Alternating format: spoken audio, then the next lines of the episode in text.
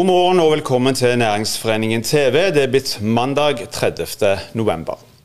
Flere covid-19-vaksiner er på vei inn i markedet. Oljeprisen har steget, og børsene rundt i verden har pekt oppover de siste dagene.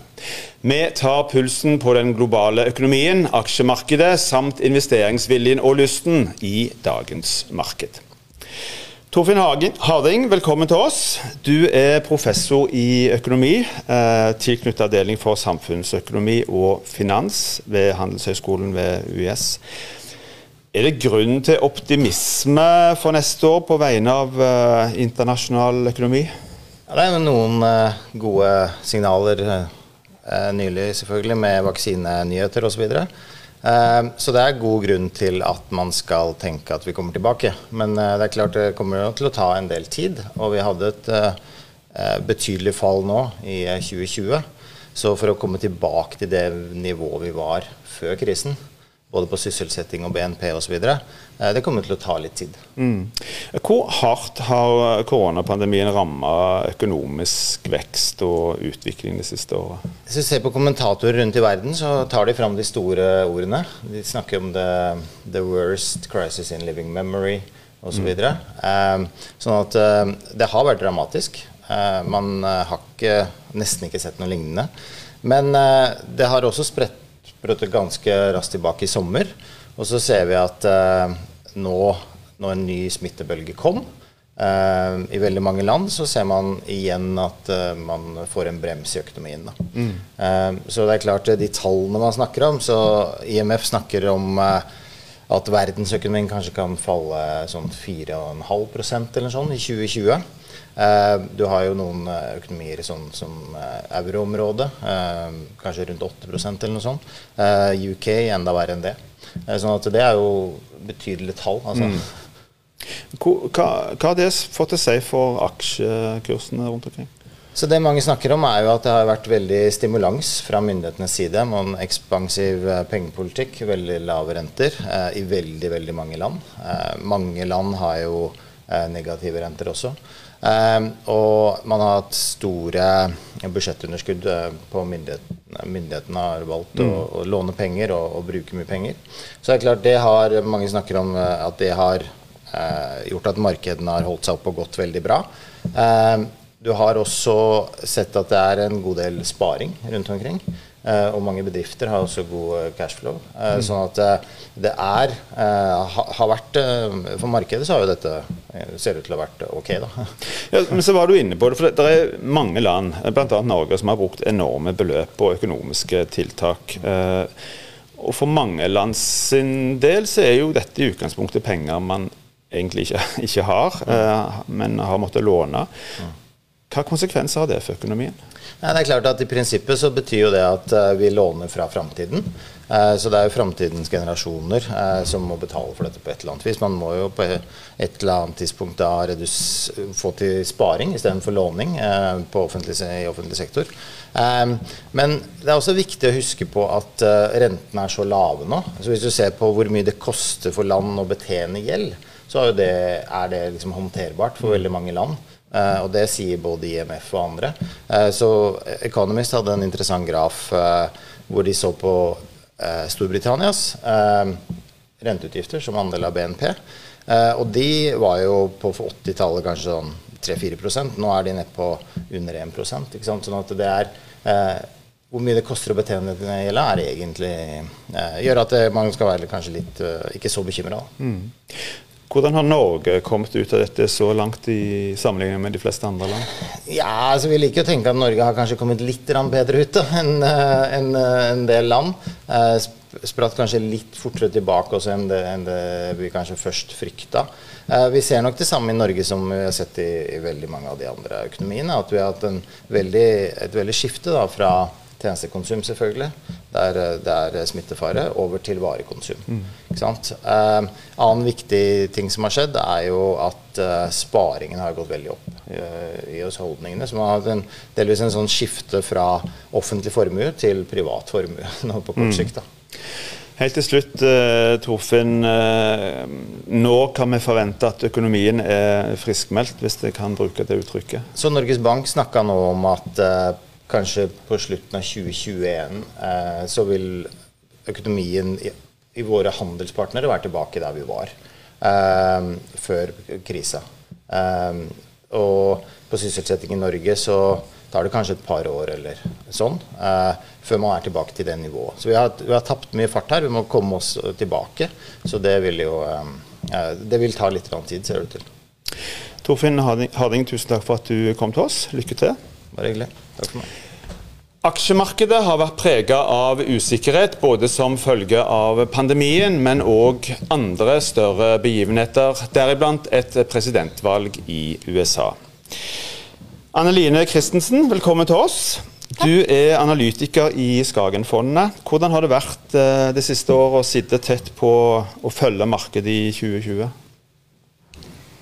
Nei, 2020 har jo vært litt av et år. Um, det er jo en av de største krisene vi har hatt siden finanskrisen. Mm. Og um, det har jo vært utfordrende, men det har òg vært ganske spennende og lærerikt. Hvordan har pågangen fra um, bedrifter og privatpersoner vært i løpet av dette året? Har det vært som normalt, eller har du, har du merket mye stor endring? Vi har nok sett litt større pågang, i hvert fall fra privatpersoner og fra kundene, eh, som er interessert i å vite hvordan det går. Og um, vi så jo en økt, økt kontakt uh, i, i, mars og i løpet av våren, og egentlig sett det i hele perioden. Men vi har jo et godt rådgivningsapparat som var klar til å mm. ta dette. Samtidig så gjorde vi et push på kommunikasjonssiden og prøvde å være litt i forkant med nyhetene. og sende ukentlige mail. og um, Vi snudde oss rundt og hadde webinar på, plattform, på digitale plattformer for å kunne nå kunden på andre måter enn det mm. vi har pleid. Merker dere veldig stor forskjell i etterspørselen i forhold til, til bransjer? Du nevnte jo oljeprisen er tilbake, eller i hvert fall på vei mm. litt opp fra der han var. Og, og, olje- og energisektoren er jo klart en sektor som har hatt lavere etterspørsel. Og, og vi ser det òg på børs. og Energisektoren er ned nesten 27% i år. Mm. Um, I motsetning så har du IT-sektoren som har tjent, eller kanskje gjort det bra på denne her eh, hjemmebølgen, og at vi sitter mer hjemme og bruker mer data, og, og er opp eh, 36% i år.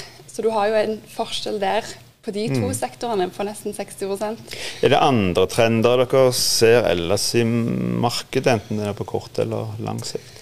Så IT har jo dominert i 2020, og større likvide selskaper, som ofte investorene trekker til når det er litt rufsete i markedet, har jo òg gjort det bedre enn typisk mindre og illikvide selskaper. Mm. Men vi ser jo at vaksinenyheten har jo endra mye. Og, og, markedet priser i større grad inn tro på normalisering og en makroøkonomisk innhenting. Så vi ser jo at den dagen eh, vaksinenyheten kom, så var jo small caps opp mer enn 5 mer enn den eh, teknologitunge Nasdaq-børsen. Mm. Og vi så òg at verdiaksjer fikk et løft. Noe som kanskje òg er grunnen til at flere av våre fond gjorde det bra og er på all time high siste perioden. Men Har det vært vanskeligere å følge dette globale markedet tett, som, som, eller som normalt, da, i en situasjon hvor vi har hatt lockdowns eh, ved flere anledninger, det er stor usikkerhet eh, osv.? Vi ser jo, altså vi har jo vært rigga litt for dette i og med at vi jobber jo mye med data. Og alt data kommer jo på PC-en, mm. så det, det, er stort sett ting vi kan gjøre hjemmefra. Um, det sagt så ser vi jo fram til å kunne treffe selskaper igjen. Nå har det jo vært mye telefonkontakt og videokonferanser, så vi ser jo fram til en hverdag hvor vi kan reise og treffe selskaper mm. og delta på konferanser. Så har vi snakket mye om, eller snakker generelt mye om det grønne skiftet. Um, mange bedrifter har brukt 2020 til innovasjon, til utvikling. Uh, har dette påvirka markedet og etterspørselen på noen som helst måte innenfor dette området? Vi ser jo at det har vært en grønn bølge på børs. og fått mye oppmerksomhet eh, både fra media og, og investorer. Og, og, prisingen har jo òg blitt deretter. Mm. Eh, de prises kanskje i enda større grad på fremtidig inntjening enn hva de tjener i dag og leverer. Eh, så, så, det er jo noe vi har sett en etterspørsel etter. I forhold til um, digitale løsninger og innovasjon, så ser vi jo at uh, covid har jo vært en akselerator for digital innovasjon, hvor mange selskaper har kanskje implementert store prosjekter på veldig kort tid, som de kanskje planla over to år. Mm. For de fikk litt kniven på strupen. Så det har jo på en måte vært en akselerator på innovasjon. Det har det. Helt til slutt, Anne-Line. Som, som, eh, som, eh, analytiker så, så, må jo dere vurdere risiko i, i, alle ledd. Ser du noen spesielle utfordringer frem mot årsskiftet, eller kanskje videre òg, som, som, eh, du tenker at de som lytter eller, eller ser dette, bør være ekstra oppmerksom på? Vi er jo veldig opptatt av å identifisere og kvantifisere risiko. Eh, ut året er jo en ganske kort periode. Altså Før korona kom, så var det jo veldig mye snakk om handelskrigen og Kina og USA. Eh, du har jo brexit, som har vært en sånn skygge i bakgrunnen, mm. mens nå er det en måned igjen til de må få en avtale på plass eh, før de offisielt er ute uten avtale. Eh, så har vi hatt presidentvalget som har preget nyhetsoverskriftene. Men jeg tror sånn, hvis man skal si noe konkret på kort sikt, så er jo kanskje òg utviklingen i vaksinenyhetene og effektiviteten som kan påvirke. Da venter vi spent på den. Eh, Anne Line, tusen takk for at du kom til oss. Lykke til hos deg. Nordic Unmanned planlegger å børsnotere selskapet i midten av desember som det første droneselskapet i Europa. Knut Roar Wiig, velkommen til oss. Jo, takk. Du er gründer, direktør og største enkelteier i eh, Nordic Unmanned. Hvorfor, eh, hvorfor frister børsen? Du, eh, det er en prosess vi har hatt det siste, siste, året i grunnen. Og sett på hvor er det vi skal hente kapitalen for vår videre vekst, eh, og hva er de alternativene vi har hatt. Mm. Eh, og vi ser eh, at Oslo Børs, og særlig det som har vært Marker Markets, eh, og, og nå Euronex Growth, eh, har hatt en veldig bra utvikling. Det er mange selskaper som har gått der, og det gir oss en, en mulighet for å å realisere ambisjonene vi har eh, for de vekstmulighetene vi ser. Vi skal komme litt tilbake igjen til det, men, men selskapet er jo ikke så det er ikke eldgammelt, for, for, å si det på den måten. Si litt mer om selskapet. Eh, Nordic Man vi er et ungt selskap, eh, som du sier. Altså, vi starta i 2014. og vi er en av Europas største innenfor droner og, og dronetjenester. Uh, og på mange måter så, så er òg den bransjen som, uh, som, vi driver i, en veldig ung bransje. Mm. Uh, så vi har vokst veldig fort sammen med en bransje som, som har en veldig rask vekst uh, framover. Har det påvirka dere nå i 2020 under den spesielle situasjonen som, som, som, vi har hatt i, i, i dette året? Ja, i aller høyeste grad. Altså, til å begynne med så var det full stans, full nedstenging. Eh, og så plutselig så var det full stopp og enda raskere start enn det vi hadde trodd. Mm. Eh, så siste, de siste kvartalene og, og, månedene har vært ekstremt travle. Og ekstremt stor etterspørsel eh, etter både tjenestene og varene som vi leverer. Mm. Hva betyr tilgang til kapital som, som verktøy for, for, din bedrift, for det som har med utvikling og, og vekst å gjøre? Nei, det, det, er jo klart For oss som, som en ambisiøs vekstbedrift, så er jo tilgang på kapital helt essensielt. Uh, vi er avhengig både av å, å, investere og ha arbeidskapital til å, å, å gjennomføre veksten. Mm. Uh, så, så det, vi kommer oss ikke videre uten god tilgang på kapital. Hvordan opplever du kapitaltilgangen uh, her i regionen? For det er jo her dere har, uh, hører til. Ja, Eh, vi gjennomførte en, en, en emisjon i forkant av børsnoteringa som vi closa på fredags eh, kveld, eh, og på, på 99 millioner. og da har vi jo sett på hele landet for at investorer kommer inn fra. Regionen her er gjerne mer konservativ enn andre regioner i, i, dette landet i forhold til vekstselskap og teknologiselskap. Mm. er vår erfaring så langt. Hvorfor, eh, når du først sier det, hvorfor er det sånn, tror du? Hvorfor er en kanskje mer konservativ her enn andre steder? Ja, det er, det er, jo et veldig godt spørsmål. Jeg tror det, det er et, et, viktig eh, spørsmål å gjerne bruke litt mer tid på. Men, men jeg, jeg, ser det altså Vi har eh, vi er et ungt selskap. Vi har ikke mye track record i forhold til en del andre, men vi har en veldig sterk vekst og vi har en sterk vekstmulighet. Og det å prise inn eh, verdien av den framtidige muligheten til selskapet, er gjerne ikke denne regionen her eh, like eh, vant med som, eh, som, andre regioner i Norge. Mm. Dere har eh, vekstplaner videre. Hvordan hva snakker vi om da i forhold til finansiering? og hva, Kan du si litt om, om, om målet òg? Ja, altså vekstplanene videre. Eh, for, for, neste år så har vi planer om å ha en omsetning på rett under 200 millioner. Eh, og i år så ender vi på, på 71 millioner. Eh, så, så, vi har planer om å fortsette den sterke, sterke veksten òg etter 2021. Mm. Så, og, og, det er både vår organiske vekst, men det er klart vi er jo i en, en, bransje der det er mange interessante selskap som popper opp, som gjerne har interessant teknologi. Eh, så, så vi, vi, har tenkt å, ha, å, ta en ledende rolle i Europa og tenkt å holde den rollen. Mm. Finansieringsprosjektet holdt jeg på å si, eh, mot børs, har det gått, har det gått knirkefritt? Det har vært en, en, eh, veldig spennende prosess. Jeg har jo erfart at det er det, det, er jo en prosess som gjerne ikke veldig mange har veldig mye erfaring med. Så, så vi, må, vi, må, litt, eh, gjøre det mens, det mens, det skjer, og ha masse gode rådgivere rundt oss. Mm. Uh, men, uh, men uh, når vi gjorde og closa emisjonen, så, så, var den betydelig overtegna. Mm. Så, så, det var stor interesse for å være med. og det er jo veldig kjekt og, og stimulerende at vi har mange, mange, investorer som har tro på oss og, og selskapet sin, sin, videre vekst. Dere er jo et, eh, et, har jo et stort marked ute i Europa. Hvordan har interessen vært fra, fra utlandet, for å kalle det for det? Nei, I utgangspunktet så er den misjonsrunden vi har gjort nå, retta mot norske investorer. Eh, og Det handler litt om, om det regulative mm. og hastigheten disse prosessene går i. At det er vanskelig for, for utenlandske investorer å komme inn.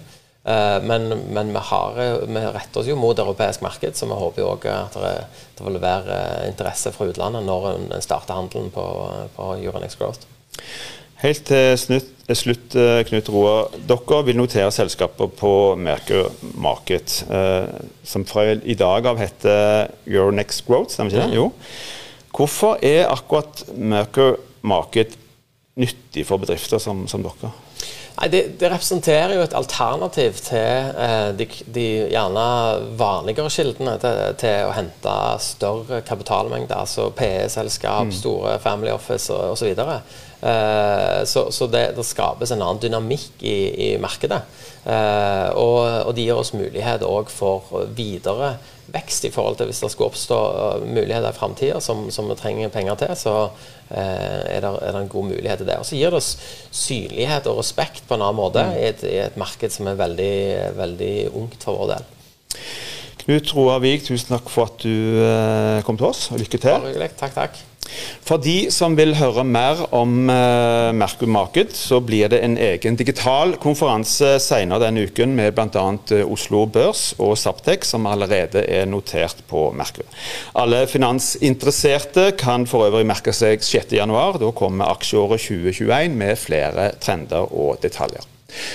Denne sendingen er slutt. Takk for at du så på oss. Vi er tilbake igjen i morgen på samme tid. Og husk i mellomtiden, hold avstand, ta godt vare på hverandre.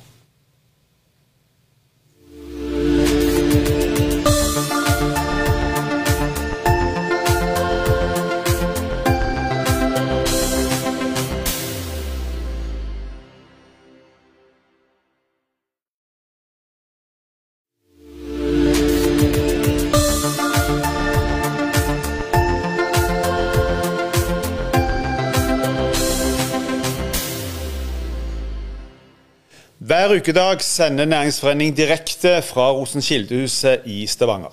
Med spennende gjester og interessante temaer. Se oss på TV Vest hver morgen klokken ni.